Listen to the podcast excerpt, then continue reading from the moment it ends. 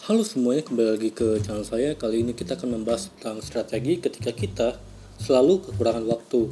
Jadi, apakah waktu 24 jam dalam sehari masih saja kurang? Ketika kita kekurangan waktu, itu menjadi alarm bagi kita bahwa ada sesuatu yang tidak beres terkait pengaturan waktu kita. Seyogyanya kita harus introspeksi diri agar ke depannya tidak selalu kekurangan waktu dalam setiap aktivitas kita. Di sini akan dipaparkan beberapa strategi untuk mengantisipasinya. Yang pertama, tentukan skala prioritas. Dalam kehidupan sehari-hari, kita harus memiliki tingkatan skala prioritas.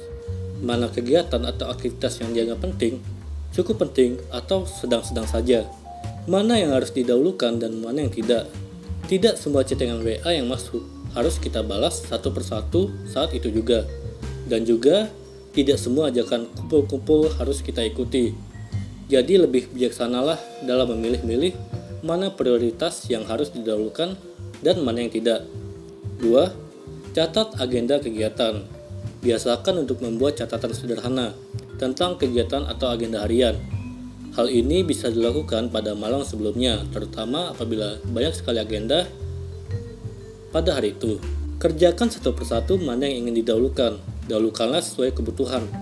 Otak kita memiliki keterbatasan untuk mengingat semua hal. Jadi dengan membiasakan mencatat, kita dapat membantu otak kita untuk mengingat kembali. Barilah tanda kegiatan, mana yang sudah selesai dilakukan dan mana yang belum. Begitu seterusnya sampai selesai. 3. Hargailah waktu walaupun satu detik. Kita tidak tahu apa yang akan terjadi satu detik kemudian. Apakah kita masih sehat bisa beraktivitas atau apakah ada hal-hal lain yang kita istilahkan dengan faktor X.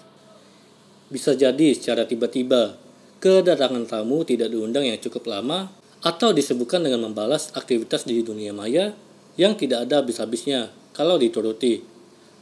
Hal-hal tersebut terkadang tidak kita sadari menghambat aktivitas kita yang lainnya. 4. Biasakan mendelegasikan tugas. Kita bukanlah seorang superhero yang bisa melakukan semua hal dengan sempurna. Jadi tentu saja, sebagai manusia ada keterbatasan. Membiasakan mendelegasikan tugas cukup efektif untuk membantu menyelesaikan tugas-tugas kita.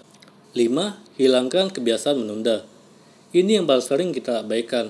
Sekali kita menunda satu kegiatan, maka berjajar kegiatan lain yang mengantri untuk kita kerjakan tertunda pula. Akibatnya, kita jadi kekurangan waktu. Oleh karena itu, supaya kita tidak selalu kekurangan waktu, mari kita bersama-sama belajar mengatur waktu dan menggunakannya dengan sebaik-baiknya. Bersyukurlah dalam satu hari kita masih diberi waktu 24 jam, bukannya 2 jam atau 3 jam saja. Orang yang tak pandai bersyukur dan tak menghargai waktu, walaupun diberi 48 jam, dalam sehari tetap saja kekurangan waktu. Bijaklah menggunakan waktu, jangan disia-siakan Jangan hambur-hamburkan waktu hanya untuk bersantai-santai, nonton TV seharian, melamun, bergosip, ataupun aktivitas-aktivitas lain yang hanya membuang-buang waktu. Semua harus seimbang. Jadi diharapkan kita bisa mengoptimalkan waktu yang tersedia secara bermanfaat. Tidak kekurangan waktu lagi. Ibarat patah, waktu adalah uang. Jika kita tidak memanfaatkannya, maka kitalah yang harus membayarnya. Sekian dan terima kasih.